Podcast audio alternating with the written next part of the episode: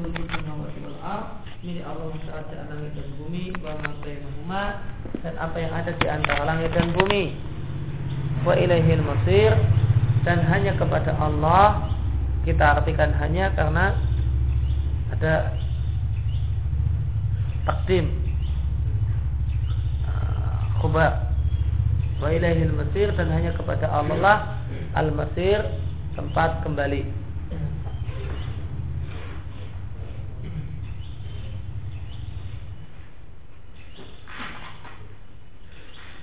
Wakala Ta'ala dan Allah berfirman di surat Al-Baqarah Waqalu dan mereka mengatakan la yadkhulul jannata tidaklah akan masuk surga illa man kana hudan aw nasara kecuali Yahudi atau Nasrani.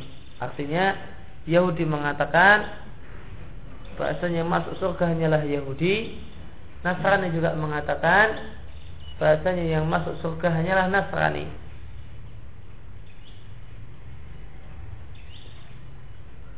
Demikian dikatakan oleh Yahudi Madinah dan Nasrani dari daerah Najran di Yaman di hadapan Nabi Shallallahu Alaihi Wasallam. Bagaimana penjelasan di jalan lain?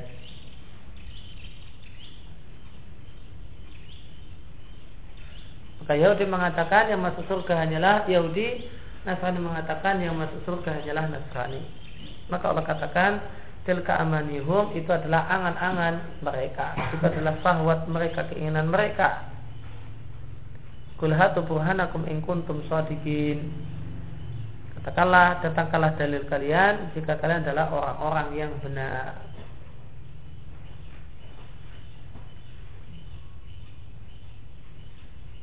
Dan ada satu pelajaran menarik dari ayat ini. Bahasanya Perkataan yang benar dan pendapat yang benar adalah pendapat yang berdalil. Kulhatu burhanakum in kuntum shadiqin. Pendapat yang tidak ada dalilnya, tidak ada dasar dalilnya adalah pendapat yang dusta. Pendapat yang tidak benar.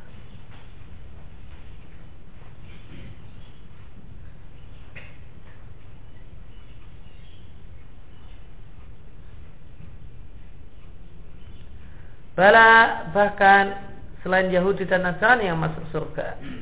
Man aslama wajahulillah siapa yang mem mem memasrahkan wajahnya untuk Allah wa muhsin dan dia adalah orang yang berbuat baik. Man aslama wajahulillah itu mengisyaratkan tauhid. Wa muhsin itu mengisyaratkan ittiba dan siapa yang beramal dengan ikhlas, dengan bertauhid, wa muhsin dan dia adalah orang yang berbuat baik yaitu beramal sesuai dengan syariat yaitu ittiba sesuai dengan apa yang Nabi ajarkan falau ajru inda rabbih maka untuknya pahala di sisi Rabbnya. Wala khaufun alaihim wala hum yahzanun. Dan tidak dia tidak akan merasakan khauf rasa takut berkaitan dengan masa depan walahum yahzanun. Tidak pula dia akan merasakan hazan kesedihan yaitu rasa takut risau berkaitan dengan masa lalu.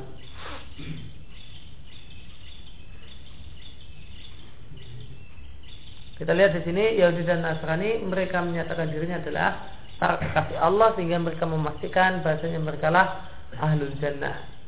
Padahal mereka tidak punya bukti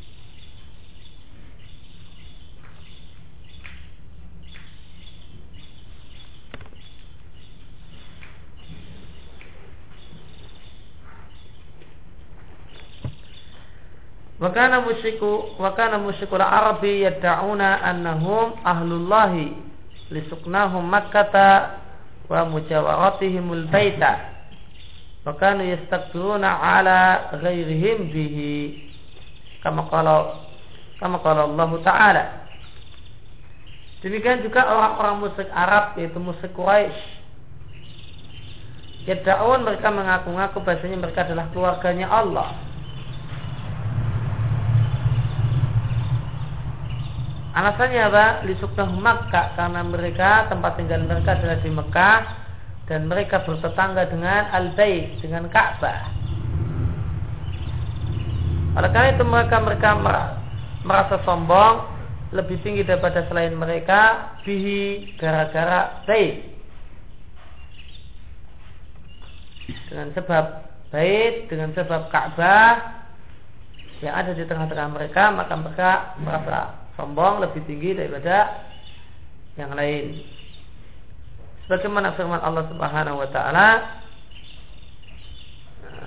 "Qad kanat ayati sungguh kanat ayati ayat-ayatku yaitu Al-Qur'an tutla alaikum dibacakan pada kalian oleh orang-orang Quraisy." Namun fakuntum ala aqabikum tangkisun akan tapi kalian ya, berbalik pada tumit-tumit kalian yaitu berpaling ke belakang. Mustakbirin kalian sombong untuk beriman dengan Al-Quran. Kenapa kalian sombong? Bihi disebabkan Ka'bah disebabkan Al-Bait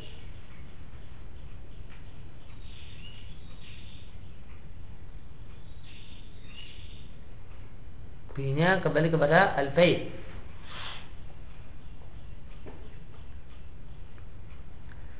Mereka sombong bihi disebabkan al-bait. Nah, kami ini adalah ya, para penjaga, kami ini adalah para tetangga rumah Allah. Samiron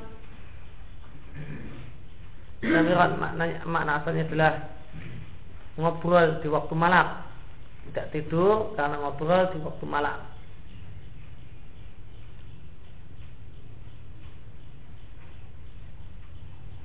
Itu maknanya secara bahasa sedangkan maksudnya mereka orang-orang Quraisy itu mereka pada ngobrol di waktu malam di sekeliling Ka'bah. Tahjun maknanya tetrukun kalian meninggalkan yaitu meninggalkan Al-Quran meninggalkan ayati.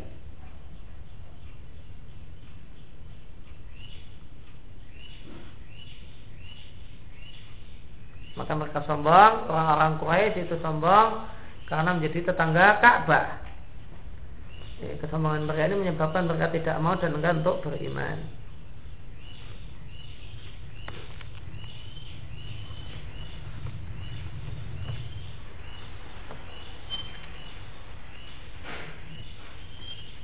Kemudian Allah berfirman di surat Al-Anfal.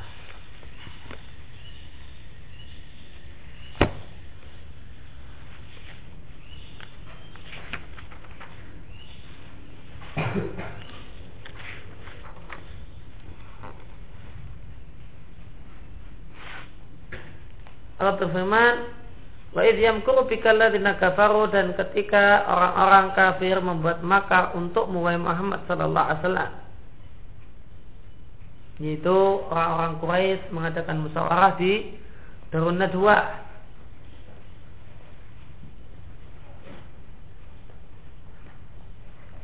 Lisbituka Gimanakah solusi untuk menghadapi dan mencegah dakwah Islam? Maka ada beberapa pilihan Yang mereka ajukan. Yusbituka. Supaya mereka hendak memenjarakanmu ada yang usul kita tangkap Muhammad kemudian kita penjara. Auyak tuluka atau membunuhmu. Auyukhijuka atau mengusirmu dari Mekah. Kalau akhirnya yang sepakatnya adalah pilihan untuk membunuh Dan itulah yang terjadi sebelum Nabi berangkat hijrah. Wayam kuruna, wayam kurullah dan mereka membuat makar dan Allah pun membuat makar. Dengan Allah memberikan wahyu kepadamu eh, dan memerintahkanmu untuk keluar meninggalkan Mekah. Wallahu khairul makirin dan Allah adalah sebaik-baik yang membuat makar.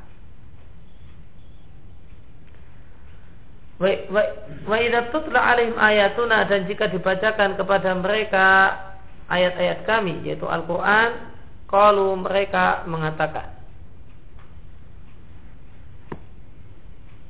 Qad sami'na sungguh kami telah mendengar. Lau nasya'u lakulna mislah hada. Seandainya kami mau Kami bisa membuat Semisal Al-Quran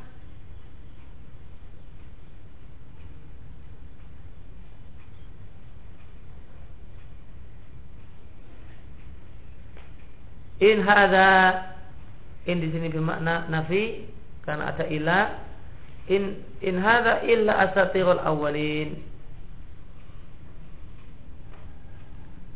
Tidaklah hal ini yaitu Al-Quran kecuali asatirul awalin Asatir maknanya akadib Jamak dari kadib Kedustaan. Ila asatirul awalin Kecuali kebohongan orang-orang terdahulu Yaitu dongeng legenda legenda buatan masa silam yaitu semuanya adalah bohong. Wa qalu dan ketika mereka mengatakan Allahumma ya Allah in kana hada jika Al-Qur'an yang di jika ini yaitu Al-Qur'an yang diajarkan oleh Muhammad wal haqqu adalah sebuah kebenaran yang diturunkan min indika dari sisimu fa'amtir alaina hijaratan minas sama maka turunkanlah hujan batu kepada kami dari atas. Awi'tina ada bin alim atau tetanggalah seksa yang pedih bagi kami. Ini adalah kata-kata yang mereka katakan dalam rangka istihza untuk mengejek dan seakan-akan untuk meyakinkan bahasanya mereka e, itu punya ilmu atas kebatilan mereka.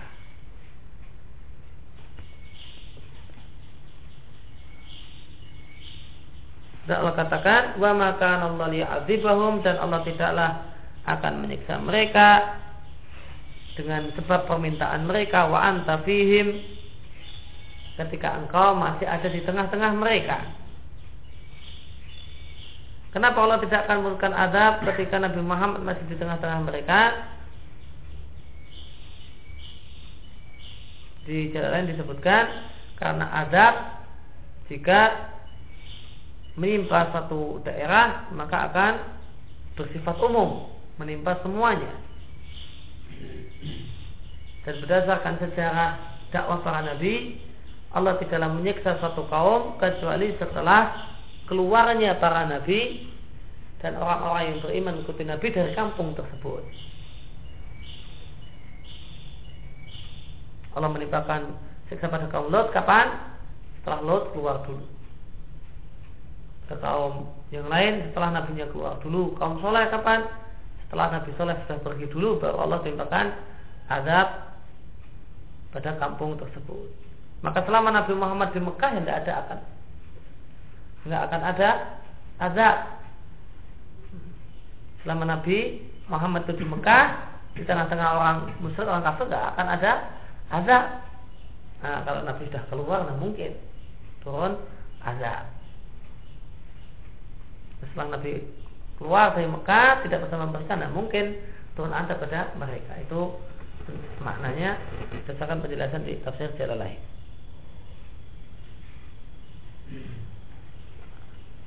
Maka wa antafi maknanya sedangkan engkau masih tinggal di Mekah bersama di tengah-tengah mereka. Bukanlah maknanya wa antafi adalah selama engkau masih hidup, bukan. Kalau berdasarkan tafsir penjelasan jalan lain tadi, bukanlah maknanya selama engkau masih hidup, bukan. Namun selama engkau masih ada di kampung eh, di kota Mekah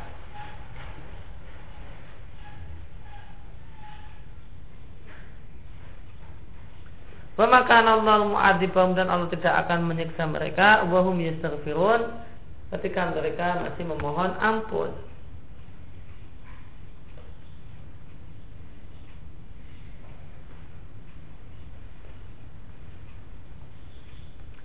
Apa maknanya? Di jalan disebutkan dua penjelasan. Penjelasan yang pertama yaitu ketika orang-orang Quraisy itu masih berkata dalam tawaf mereka, "Rufronaka, rufronaka, ampunanmu ya Allah, ampunanmu ya Allah."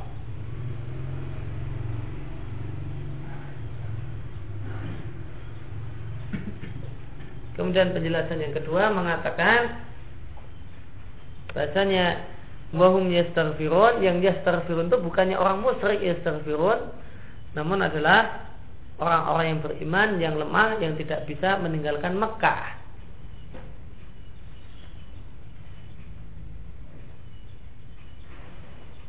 Nah, jika Nabi sudah tidak di Mekah, apakah Allah akan mengazab penduduk Mekah? Maka Allah katakan Allah tidak akan mengazab mereka selama mereka masih memohon ampun. Nah, mereka itu siapa?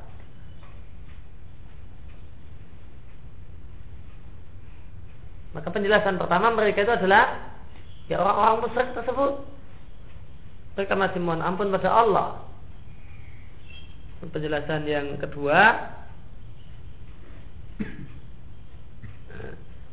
selama di Mekah itu masih ada orang-orang yang beriman yang lemah yang tidak bisa keluar yang tidak mampu untuk keluar meninggalkan Mekah mereka memohon ampun untuk istighfar nah, nah karena jika azab Allah turun maka akan menimpa semuanya mukmin dan kafirnya. Karena masih ada orang mukmin di Mekah yang mereka beribadah pada Allah dan mohon ampun pada Allah, maka Allah tidak menimpakan azab kepada mereka.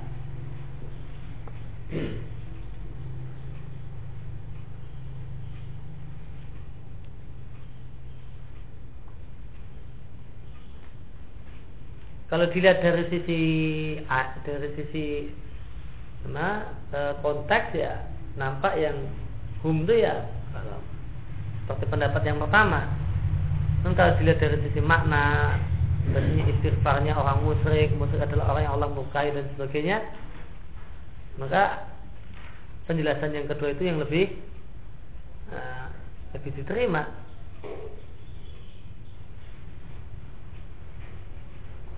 Karena apa faedahnya? Istighfarnya orang musyrik. Bahkan orang musyrik adalah orang yang Allah benci dan Allah murkai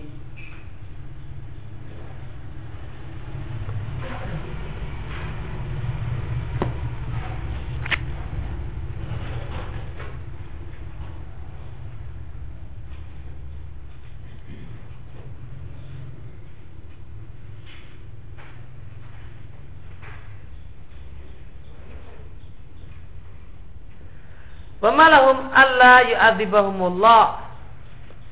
Dan mengapakah Allah tidak menyiksa mereka? Itu Allah menyiksa mereka dengan pedang. Setelah keluarnya Nabi Muhammad SAW dari Mekah Dan keluarnya orang-orang yang lemah.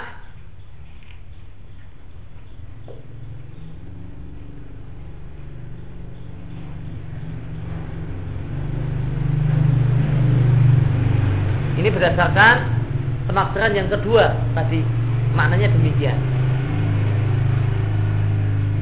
Dan berdasarkan makna yang pertama untuk ayat sebelumnya, maka di jalan lain dikatakan maka ayat ini menghapus ayat yang tadi.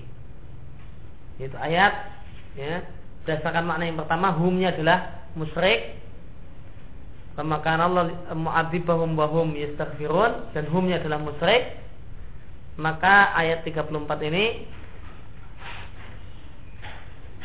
di tafsir jalan dikatakan adalah menghapus ayat pemakan Allah ma'adibahum bahum yastaghfirun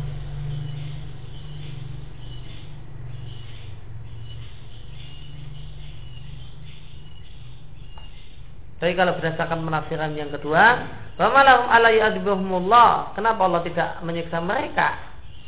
Nah, dengan peperangan dengan kekalahan dalam perang setelah Nabi Muhammad keluar dan Mustad'afin juga keluar. Maka Allah telah mengadab mereka orang-orang musyrik Quraisy di perang Badar dan yang lainnya. Wahum yasudun sedangkan mereka menghalangi yaitu menghalangi Nabi Shallallahu Alaihi Wasallam dan kaum muslimin anil masjidil haram untuk beribadah di masjidil haram. Dan Allah Allah katakan wa makanu auliya'ah dan mereka itu bukanlah wali-wali Allah. Bagaimana sangkaan mereka? In awliya'uhu illal muttaqun. Innya maknanya nafi tidaklah wali-wali Allah kecuali orang-orang yang bertakwa walakin aktsarahum la ya'lamun akan tapi mayoritas mereka tidaklah mengetahui bahasanya mereka tidak punya kewalian di sisi Allah Subhanahu wa taala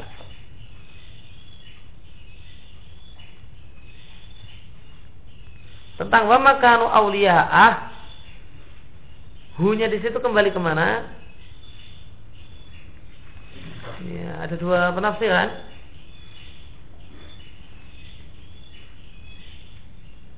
Pertama hunya itu kembali kepada Allah.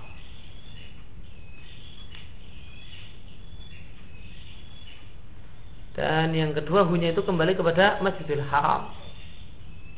Mereka bukanlah wali-wali Masjidil Haram, artinya mereka bukanlah pengurus Masjidil Haram yang sebenarnya.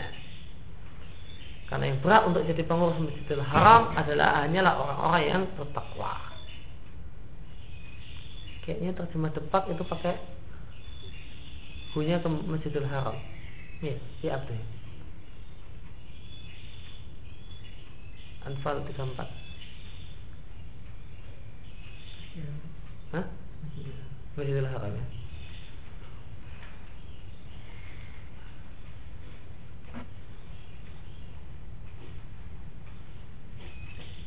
Jadi kalau di tadi tafsir jalan lain, punya kembalinya ke uh, ke Allah. Maka mereka orang-orang musyrik Quraisy bukanlah orang-orang kafir, bukanlah wali-wali Allah. Ya. Namun karena wali-wali Allah hanyalah orang-orang yang bertakwa.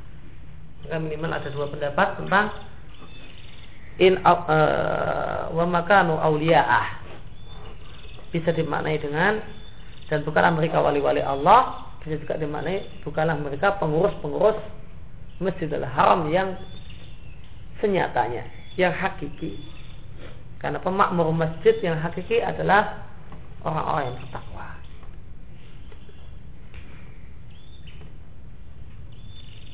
dan di sini Syekhul Islam menafsirkan Eh, wa makana auliya'ah di uh, beliau tafsirkan dengan dua-duanya. Ya. Ditafsirkan oleh Syekhul Islam dengan dua-duanya. Wali Allah dan pengurus masjid. Beliau katakan, "Fabayyana subhanahu annal musyrikin laisa auliya'ahu wala auliya'a baitihi." Maka dalam ayat ini Allah menjelaskan bahwa orang musyrik itu bukan wali Allah, bukan pula pengurus masjidnya Allah. Innama awliyahul muttaqun. Sesungguhnya wali Allah hanyalah orang-orang yang bertakwa.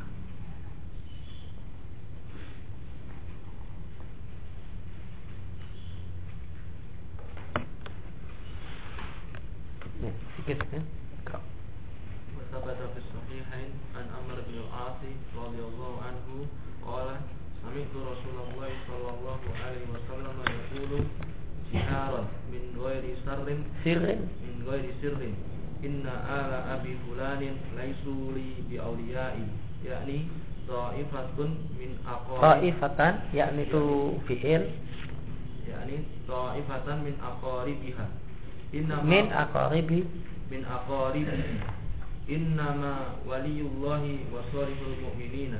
Wa hadha innama Inna ma waliyyi الله وصالح المؤمنين. وهذا موافق لقوله تعالى قال تعالى وإن تظاهر عليه فإن الله هو هو مولاه وجبريل وصالح المؤمنين. والملائكة بعد ذلك ظهير. وصالح المؤمنين كل من كان صالحا من المؤمنين. وهم المؤمنون المتقون أولياء الله. ودخل في ذلك أبو بكر وعمر وعثمان وعلي وسائر أهل بيعة الرضوان الذين بايعوا تحت الشجرة وكانوا ألفا وأربعمائة وكلهم في الجنة كما ثبت في الصحيح عن النبي صلى الله عليه وسلم أنه قال لا يدخل النار أحد بايع أحد بايع la yadkhulun naro ahadun bay'a tahta syajarati wa mislu hadha al hadithul akharu Inna awliya Allahi al-muttaquna aina kanu wa haitsu kanu. Nah. Wasabata dan terdapat fi sahihain dalam Sahih Bukhari dan Sahih Muslim dari Amr ibn al-As radhiyallahu anhu aku mendengar Rasulullah sallallahu alaihi wasallam mengatakan jiharan min ghairi sirrin secara terang-terangan tidak sembunyi-sembunyi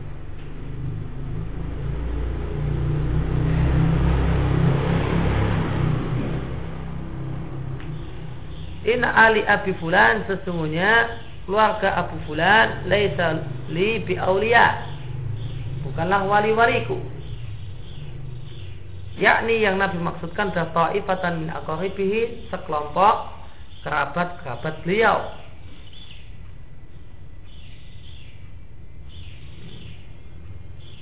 Ini dalil bolehnya tahdir Nabi mengatakan dengan terang-terangan di hadapan para sahabat, bulan itu bukan orang-orang dekatku, meskipun dia kerabatku. Karena kedurhakaannya atau karena e, kemaksiatannya, maka mereka bukanlah orang-orang dekatku diumumkan di hadapan para sahabat. Makanya dalil uh, bolehnya tahwir termasuknya tahdir jika memang itu manfaat dan menimbulkan maslahat yang lebih besar daripada bahayanya.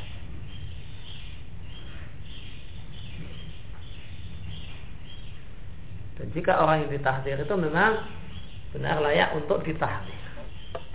Yang jadi masalah adalah betapa banyak orang yang ditahdir itu tidak layak untuk ditahdir. Inama waliyi sesungguhnya orang yang dekat di sisiku, orang yang dekat dengan aku adalah Allah. Dengan yang dekat dengan aku adalah Allah wasalihul mu'minin dan orang-orang yang beriman yang saleh. Kerabatku namun jika tidak saleh, maka dia bukanlah waliku. Maka diumumkan, kerabatku sekalipun satu nasab denganku, jika dia bukan orang yang saleh, maka dia bukanlah waliku, bukanlah orang dekatku. Bukan kerabatku akan tapi dia adalah solihul mukminin maka dia adalah waliku. Wahada dan sabda Nabi ini muafikun sama persis mencocoki firman Allah Subhanahu wa taala di surat Tahrim ayat yang keempat yaitu firman Allah Subhanahu wa taala kepada Aisyah dan Hafsah.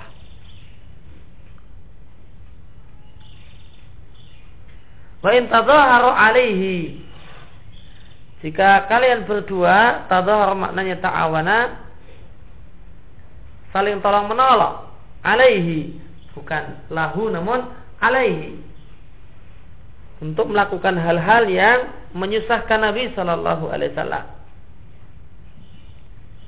Fa Allah huwa maulahu.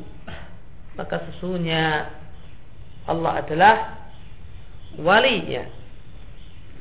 Wa Jibril demikian juga walinya Nabi adalah Jibril. Wasalihul mu'minin. Dan orang-orang yang beriman yang saleh. Di jalan lain dikatakan itu Abu Bakar dan Umar wal malaikatu ba'da dzalika zahir dan para malaikat ba'da dzalika setelah itu yaitu setelah pertolongan Allah dan orang-orang yang telah disebutkan zahir adalah para penolong untuk Nabi Shallallahu Alaihi Wasallam yang akan menolong Nabi untuk menghancurkan uh, kalian berdua.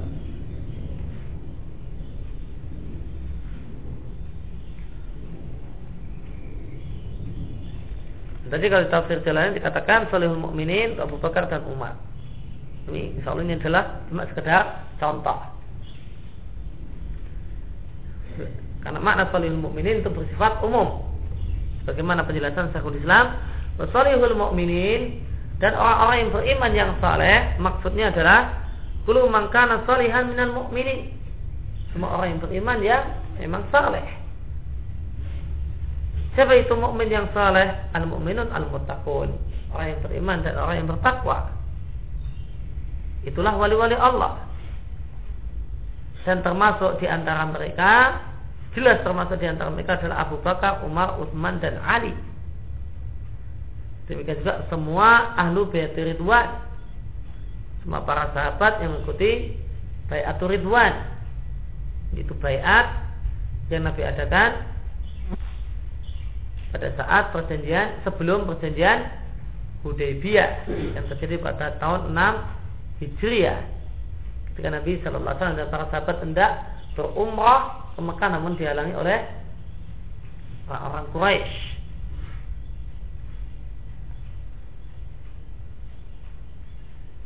Setelah itu Nabi mengutus utusan yaitu Utsman untuk merundingkan masalah ini untuk nego pada penduduk Mekah agar diperbolehkan untuk umroh. Karena umroh itu enggak enggak lama.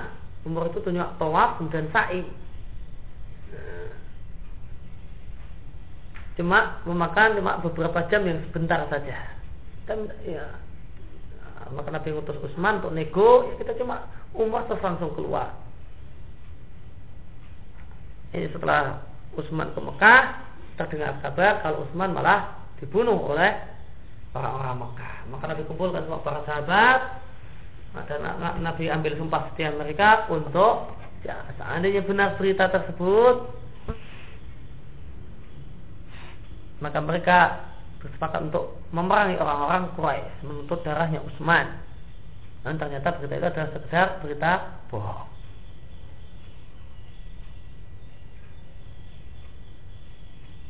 Nah, bayat tersebut diadakan di di bawah sebuah pohon dan disebut dengan bayatul ridwan. Alladzina yaitu orang-orang yang berbaiat pada Nabi tahta syajarah di bawah sebuah pohon.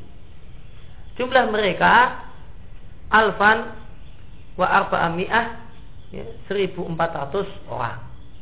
Ini orang-orang yang mau umrah sebanyak 1400 orang dan itulah yang uh, berbaikat dengan Nabi Shallallahu Alaihi Wasallam. Semua mereka 1400 orang ini semuanya adalah fil jannah di surga. Kama sahabat sahih sebagaimana terdapat dalam hadis yang sahih atau dalam kitab yang sahih yaitu Sahih Muslim dari Nabi Shallallahu Alaihi Wasallam anaqal Nabi mengatakan la yadkhulu ahadun tidaklah akan masuk neraka seorang satu orang pun bay'a tahta syajarah yang berbaiat di bawah pohon yaitu bai'atu ridwan. Lihat footnote diatkan oleh Muslim dari Ummu Bashir Al-Ansariyah radhiyallahu anha. Wa hada dan semisal dengan tadi bahasanya orang dekatnya Nabi, wali Nabi adalah orang-orang yang beriman yang saleh. Setelah hadis yang lain yang bunyinya Inna awliya Allahil muttaqun. Sesungguhnya wali Allah adalah orang-orang yang bertakwa. Tegas ini tentang definisi wali dari Nabi. Inna awliya Allahil muttaqun. Sehingga wali Allah adalah orang-orang yang bertakwa. Aina kanu wahai kanu di mana saja mereka berada dan di mana saja mereka berada. Jika dia adalah jika dia bertakwa maka dia adalah wali Allah. Maka ini penegasan dari Nabi Wasallam tentang definisi wali yang telah Allah tegaskan di surat Yunus ala inna awliya Allah la khaufun alaihim wa lahum yahzanun ala amanu wa kanu yattaqun Nabi tegaskan dalam hadis yang sahih inna awliya Allahil muttaqun. Sesungguhnya yang di, dimaksud wali Allah adalah orang yang bertakwa. Ini nasarih yang tidak menerima takwil.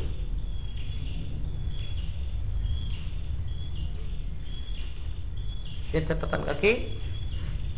Hadisnya sahih diatkan oleh Ahmad ya, Ibnu Hibban Tabrani dalam Musnad Samiyin Ijam Kabir Bazar Bayhaqi dari Mu'ad bin Jabal dinilai sahih oleh Al-Albani di Sahih Al-Jami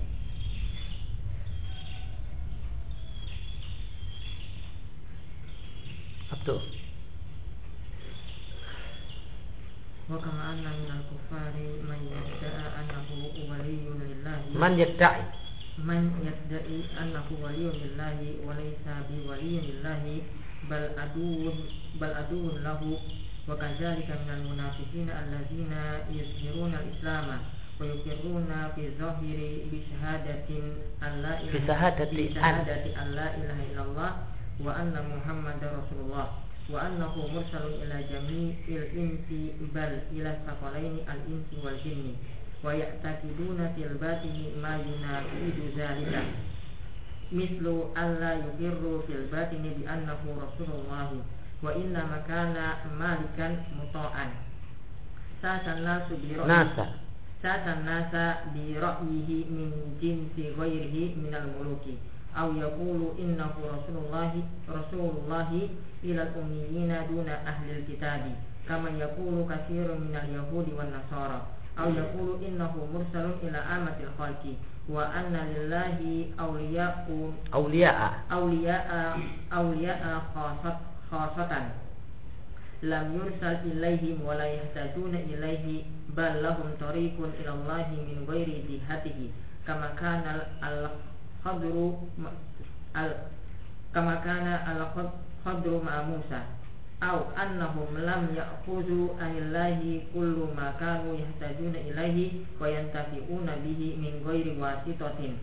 Au annahu mursalun bi sara'i izahirati wa hum muwafiquna lahu fiha. Wa amma haqa'iqu al-batiniyatu falam yursal biha.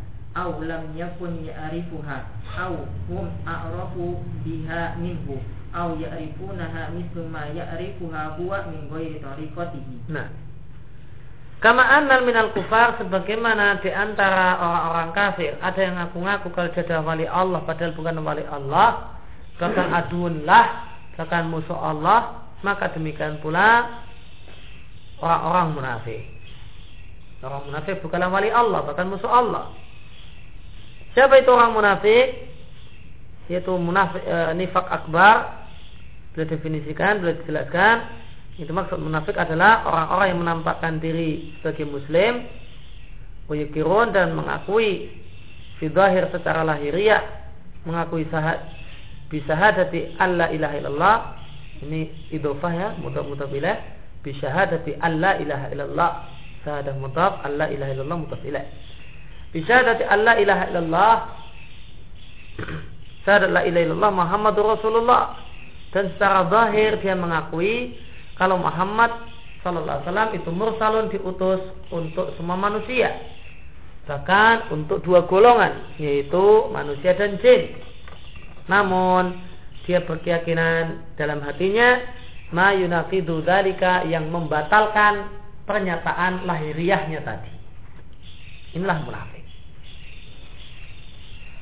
Secara lahiriah dia menampakkan iman namun batinnya dia memiliki keyakinan yang membatalkan pernyataan lahiriahnya. Inilah munafik nifak akbar. Kemudian beliau sebutkan contoh-contoh keyakinan yang menyebabkan orang yang punya keyakinan ini namun ngaku muslim adalah munafik.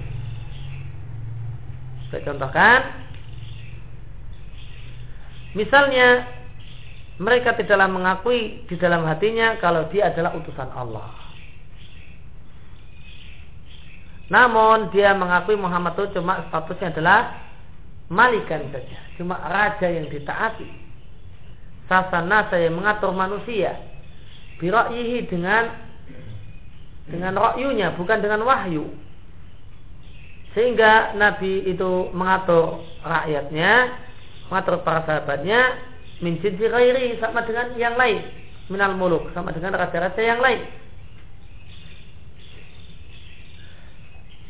ya, siapa yang punya keyakinan semacam ini namun dia secara lahiriah mengakui Muhammad adalah utusan Allah maka dia munafik atau punya keyakinan bahasanya Muhammad sallallahu alaihi wasallam adalah utusan Allah namun cuma ilal umuyin untuk orang Arab saja. Tuna ahli kitab. Tetapi tidak diutus untuk ahli kitab. Sebagian dikatakan oleh banyak orang Yahudi dan Nasrani. Ya, sebagian Yahudi dan Nasrani mereka mengakui Muhammad adalah utusan Allah. Muhammad adalah utusan Allah. Namun kata mereka, Muhammad itu adalah utusan Allah untuk orang Arab. Kemudian mereka berdalil dengan ayat-ayat yang semacam itu. Walladzi ba'atsa fil ummiyina. Ba'atsa fil ummiyina, bukan untuk kami. Ummiyin kan Arab. Nah, kami ya bukan. Dengan meninggalkan ayat-ayat yang menegaskan kalau Nabi itu diutus untuk seluruh manusia bahkan seluruh manusia dan jin maka keyakinan ini jika orang yang punya orang yang punya keyakinan ini ngaku muslim maka dia munafik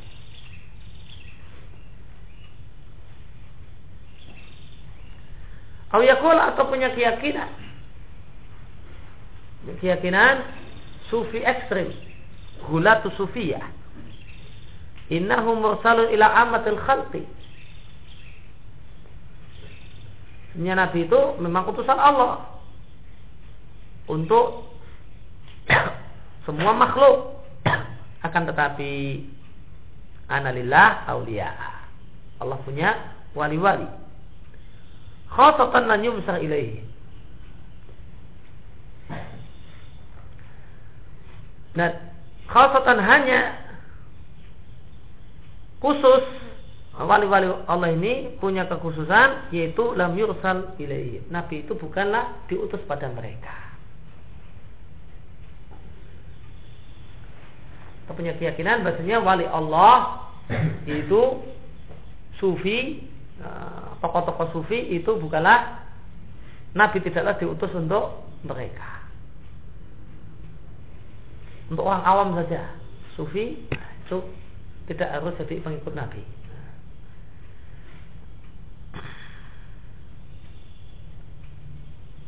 Oleh karena itu, layah tajuna ilaihi. Mereka wali-wali tersebut, yaitu tokoh-tokoh sufi itu tidak membutuhkan ajaran Nabi. Kenapa? Balahum tarikun. Karena mereka ini punya jalan untuk menuju Allah, menuju ridha Allah dan surga Allah min ghairi jihadi tanpa jalan Nabi. Itu tanpa syariat Nabi. Dia punya jalan sendiri. Hubungan Nabi dengan para wali ini sebagaimana hubungan Khidir dengan Musa. Padahal beda karena Khidir itu bukan Bani Israel. Sehingga syariatnya Musa tidak berlaku untuk syariatnya Khidir. Karena syariatnya Musa cuma khusus untuk Bani Israel. Sedangkan syariat Muhammad adalah untuk semua makhluk, semua manusia termasuk yang mereka anggap sebagai wali-wali tersebut. Atau anam sesungguhnya yang diyakini sebagai wali-wali itu pada tokoh-tokoh sufi lam ya'khudhu anilai kula makan yahtajuna ilaihi Tidaklah mengambil dari Allah semua hal yang mereka butuhkan.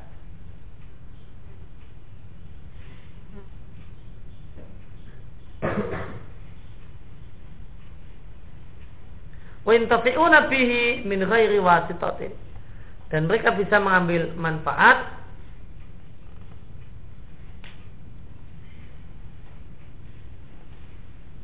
dengannya min ghairi wasitatin tanpa tanpa perantaraan rasul.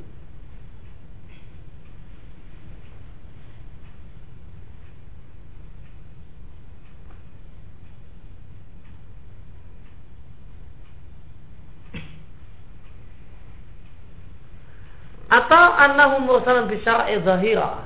Dan mereka meyakini bahwa Nabi Muhammad itu memang utusan namun cuma membawa syariat lahiriah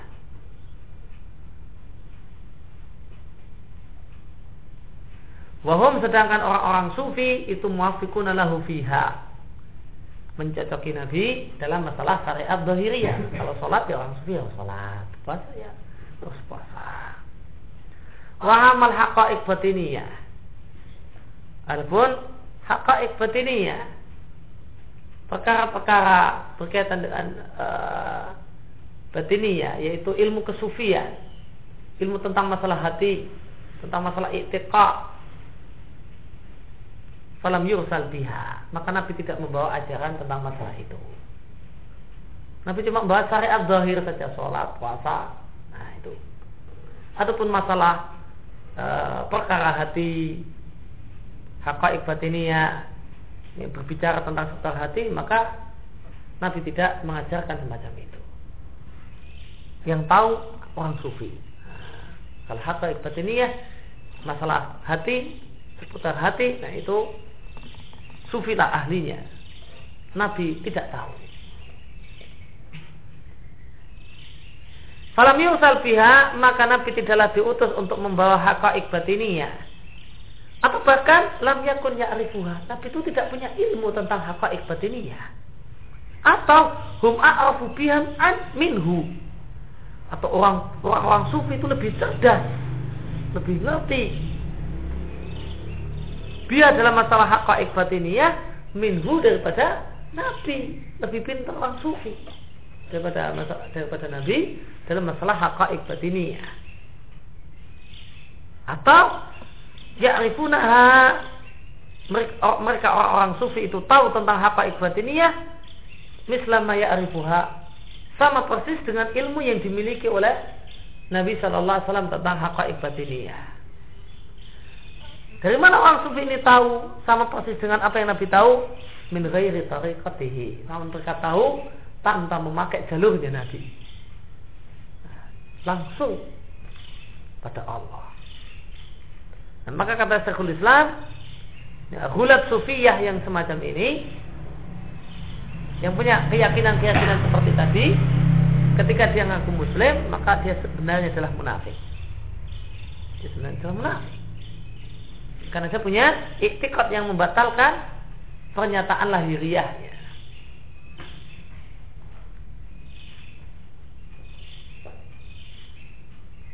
Turunlah.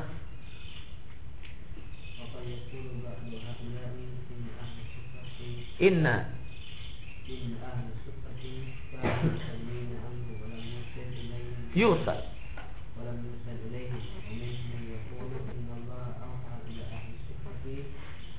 وأوفى ما أوحاه إليه ليلة المعراج وصار أهل الثقة من منزلته وهؤلاء من فرط جهلهم لا يعلمون أن الإسراء كان بمكة. كما قال الله تعالى قال تعالى سبحان الذي أسرى بعبده ليلا من المسجد الحرام إلى المسجد الأقصى الذي باركنا حوله وأن الشرطة لم تكن إلا بالمدينة كانت شقة في توالي مسجده صلى الله عليه وسلم ينزل بها الغرباء الذين ليس لهم أهل وأصحاب ينزلون لهم فإن المسلمين كانوا يهاجرون إلى النبي صلى الله عليه وسلم إلى المدينة. فمن أمكنه أن ينزل في مكان نزل به. ومن تعذر ذلك عليه نزل في مسجده إلى أن Yusuf yatayassar lahu makanun yantakil ilaihi wa lam yakun ahlu sufati nasan bi'ahyanihim yulazimuna sufata dan kanu yakilluna taratan yaksuruna taratan ukhra wa yuqimu rajulu biha zamanan thumma yantakilu minha والذين ينزلون بها هم من جنس سائر المسلمين ليس لهم مزية في علم ولا دين بل كان فيهم من ارتد عن الإسلام وقتله النبي صلى الله عليه وسلم القرانيين الذين الذين الذين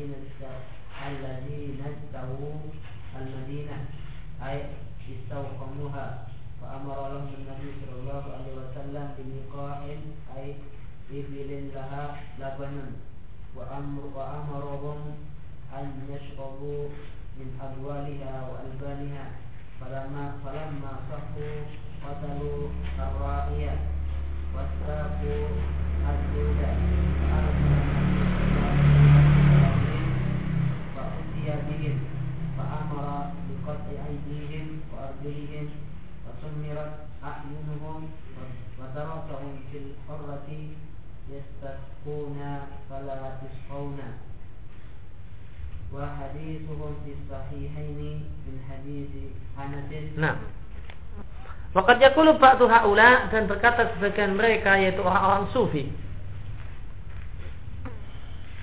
Mereka mengatakan mereka punya keyakinan bahasanya ahlu sufah itu mustarmini na'anhu tidak membutuhkan ajaran Nabi. Tidak butuh dengan ajaran Nabi, ahlu sufah. Orang-orang sufi sebagai orang sufi menisbatkan diri mereka mereka adalah penerus ajaran ahlu sufah. Oleh karena itu mereka disebut sufi. Nah, diambil dari kata-kata sufah kata mereka. Ini adalah sebuah kebodohan dalam bahasa.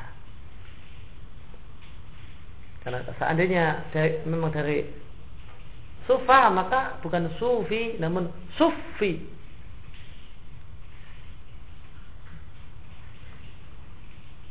faknya tesik.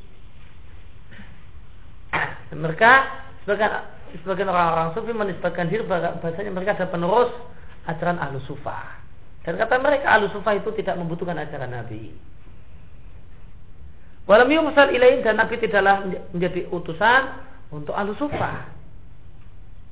Dia meminum di antara orang, orang, sufi man yakul ada yang mengatakan, ini Allah telah memberikan wahyu pada ahlu sufah fil batin tentang uh, fil batin mungkin tentang apa tentang hakaik ini ya atau mungkin maknanya ya mungkin itu fil batin tentang masalah batin. Sebagaimana wahyu yang Allah berikan kepada Muhammad Lailatul Mi'raj pada saat Isra dan Mi'raj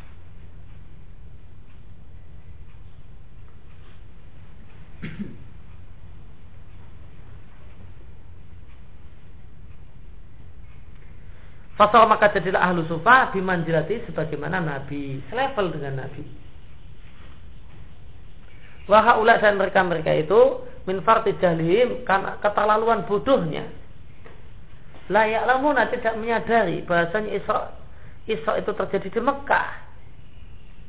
Sebagaimana yang Allah firmankan surat yang di ayat yang pertama di surat Al-Isra masuk zat yang memperjalankan hambanya yaitu Muhammad Shallallahu Alaihi Wasallam yang Allah perjalankan dengan badan dan rohnya. Karena Allah mengatakan hamba dan hamba itu menunjukkan badan dan roh bukan hanya roh saja. Lailan ini aja cuma sekedar di waktu malam dari Masjidil Haram menuju Masjidil Aqsa. Allah dibarokna haulahu yang kami berkahi daerah-daerah sekitarnya.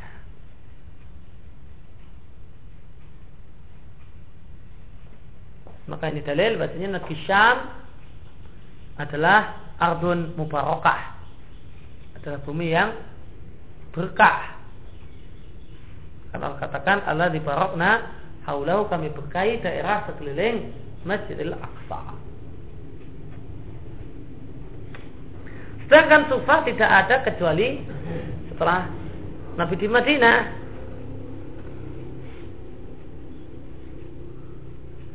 Wakana sufatun sedangkan yang namanya sufah, sufah itu apa?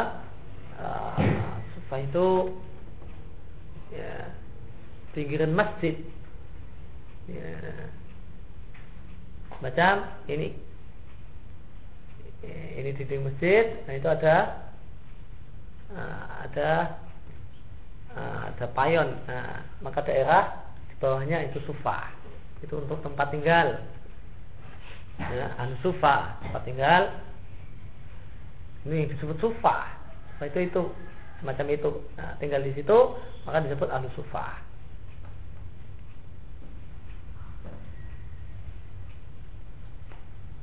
Wakana sufa sedangkan sufa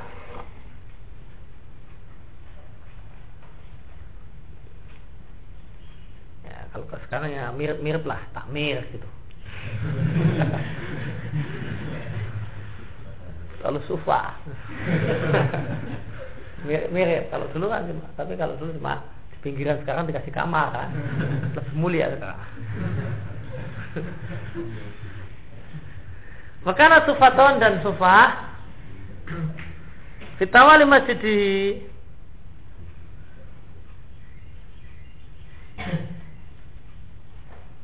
awal di sini mungkin maksudnya adalah uh, uh, tawal itu bisa maknanya silih berganti ya silih bergantinya masjid Nabi Shallallahu Alaihi Wasallam itu selama uh, ketika masih ada masjid ya, masjidnya Nabi Shallallahu Alaihi Wasallam Yanzil biha singgah di sana, tinggal di sana al ghuraba orang-orang yang tidak punya siapa-siapa di kota Madinah. Orang-orang yang berhijrah ke kota Madinah dan tidak punya siapa-siapa di kota Madinah. Jadi yang tinggal di Sufa. Siapa itu ghuraba atau jamak dari ghaib? Alladzina laisa lahum ahlun wal ashab mereka nggak punya keluarga di kota Madinah, tidak pula ada sahabat dekat yang bisa didompleng rumahnya. Yang ziluna ingdam sehingga mereka bisa singgah di rumahnya. Nah, rumah keluarga atau sahabatnya tadi tidak ada, nggak punya kenalan di kota Madinah. Ah, maka ahli sufa adalah ya, sahabat-sahabat Nabi muhajirin yang berhijrah ke kota Madinah dan di Madinah tidak punya kenalan tak punya kenalan, tidak punya keluarga. Akhirnya, oleh karena itu tinggal di emper masjid sementara waktu. Itu definisi halus sufa.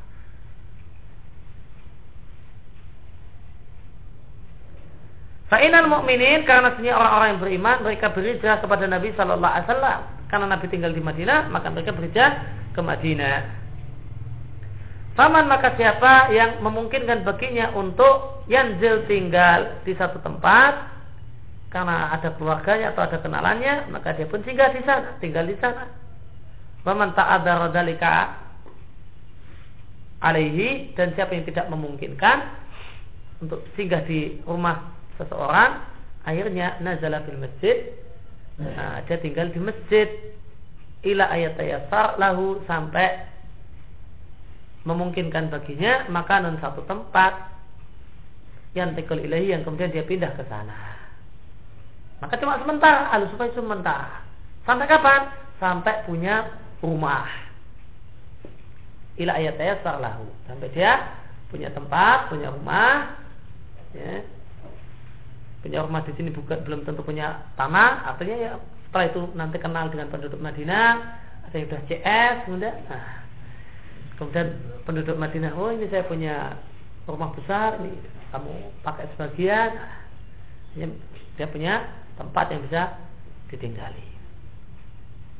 Maka lam yakun bukanlah alusufa itu adalah nasan manusia a'yanim tertentu yang yulazilu yang yulazimuna sufa yang terus menerus tinggal di sufa Bahkan yang namanya ahlu sufa itu yakilu natarotan di satu waktu jumlahnya sedikit. Wa yakturu natarotan ukhra. Dan di waktu yang lain jumlahnya banyak. Kan ada pendatang baru orang yang ke Madinah belum dapat tempat tinggal ya, maka jumlahnya banyak. Setelah itu motoli satu-satu karena sudah dapat tempat. Yuki rajul piha maka ada seorang yang tinggal di sufa zamanan selama beberapa waktu kemudian dia pindah darinya. Dan orang-orang yang singgah di Sufah hum min jinsi sairil muslimin mereka itu sama dengan kaum muslimin yang lain. Sejenis dengan kaum muslimin yang lain. Sama persis dengan kaum muslimin yang lain. Laisa lahum maziyah mereka itu tidak punya keistimewaan dalam masalah ilmu tidak pula dalam masalah ketaatan bahkan di antara ahli sufa ada orang yang murtad dari Islam. Kemudian dibunuh oleh Nabi Shallallahu Alaihi Wasallam yaitu Uraniyin.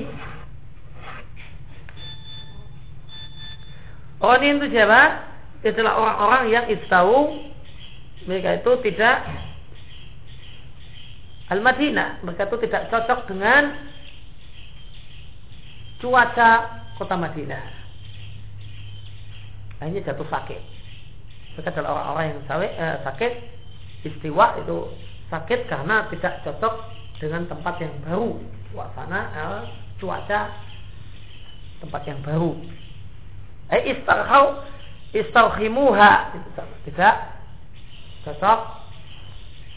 Nah cuacanya. Ini sakit Akhirnya Nabi Shallallahu Alaihi Wasallam memerintahkan mereka kepada bilika, memerintahkan mereka dengan liko, yaitu apa itu liko?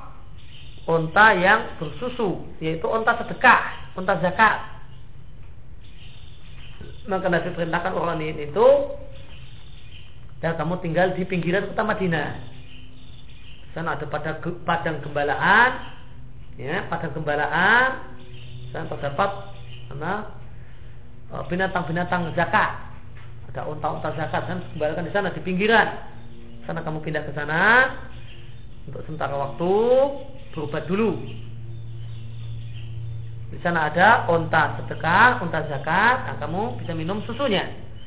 Fa'amaroh maka Nabi perintahkan mereka untuk minum susu onta atau abu aliha air kencing onta dan susu onta. Maka Nabi obati orang ini dengan susu minum air kencing onta dan air susu onta. Nah, obatnya Nabi ini mujarab. Fala masahu. Ketika mereka telah sehat, akhirnya mereka minum susu unta dan air kencing unta dan sembuhlah sakitnya. Setelah sehat, mereka malah murtad. Pertama kali padahal mereka berhijrah. Muslim masuk Islam kemudian berhijrah. Ke kota Madinah malah sakit dan disuruh uh, ke pinggir kota Madinah untuk berobat, tetap berobat malah murtad. Wah ini banyak onta, malah tergiur dunia, akhirnya murtad. Kota Lu'ai setelah sehat mereka malah membunuh yang bertugas untuk menggembala onta-onta sedekah tersebut, onta-onta zakat tadi. Wastaku dan mereka bawa semua tazud unta. Unta tersebut kemudian dibawa semua. Akhirnya Nabi mengutus seseorang untuk mencari mereka. Hanya didatangkanlah mereka ke hadapan Nabi Shallallahu Alaihi Wasallam.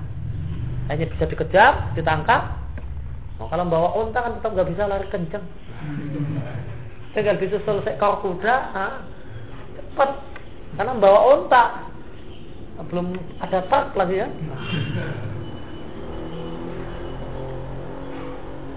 Fa'utiya bihim lalu uh, didatangkanlah mereka di hadapan Nabi Shallallahu Alaihi Wasallam.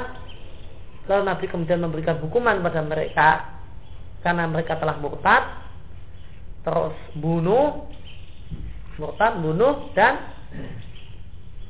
bawa unta zakat. Maka Nabi berikan hukuman dengan dipotong uh, tangan mereka dan kaki mereka. Dipotong tangan dan kakinya habis setelah itu sumirat a'yunuhum. Dicukilah mata mereka. Lihat footnote 4.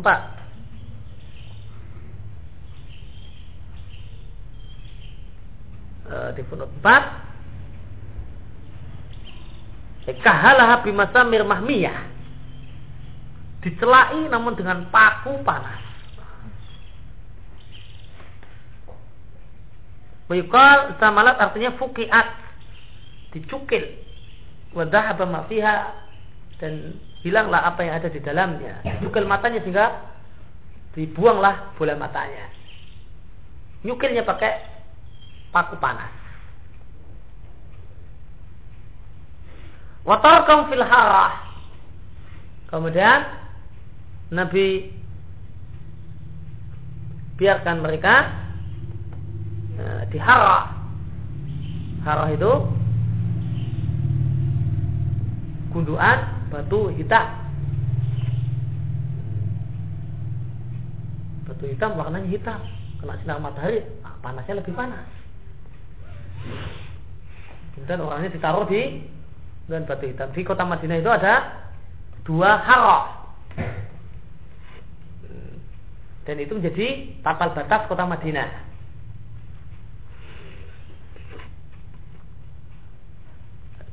Maka Madinah itu di antara baina haratain, di antara dua haro. Haro itu segunduan yang segunduan batu berwarna hitam. Batunya batu hitam. Dan mereka ditaruh di situ.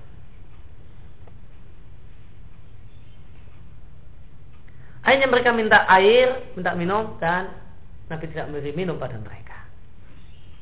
Akhirnya mereka mati. Nah ini sumpah ini. Berhijrah dan dia tinggal di masjid. Setelah itu malah murtad. Dan hadis hadis tentang urani ini ada dalam Sahihain dalam Bukhari dan Muslim dari Anas.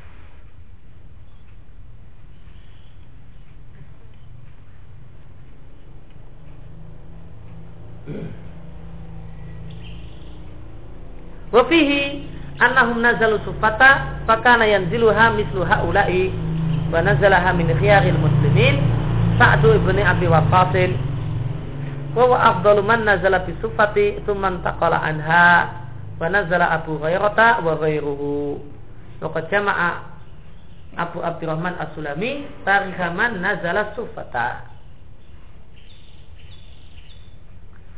Dan dalam hadis tersebut dikatakan bahwasanya Uraniyin ini tinggal di Sufah. Maka yang ziluha yang tinggal di Sufah itu adalah semisal orang-orang kayak ini. Yang tidak punya tempat di kota Madinah.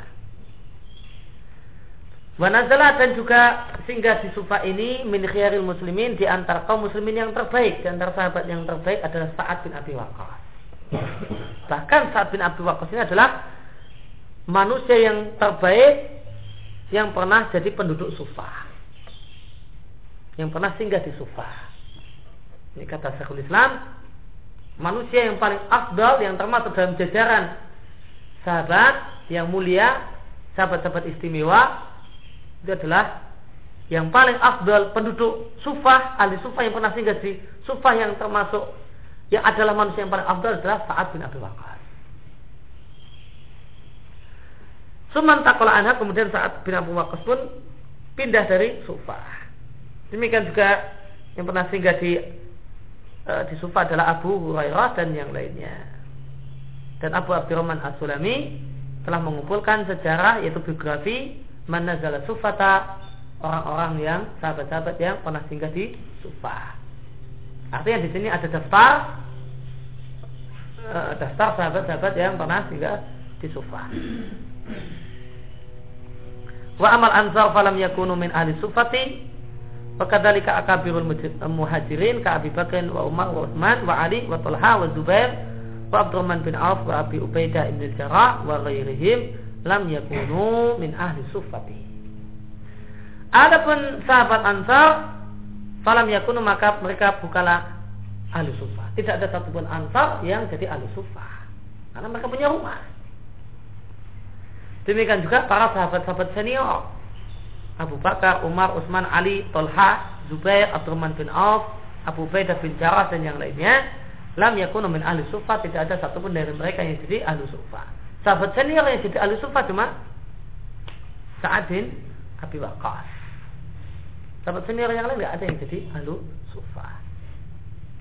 Demikian wasallallahu ala nabiyina Muhammadin wa ala alihi wa فيرضى أن الحمد لله رب العالمين.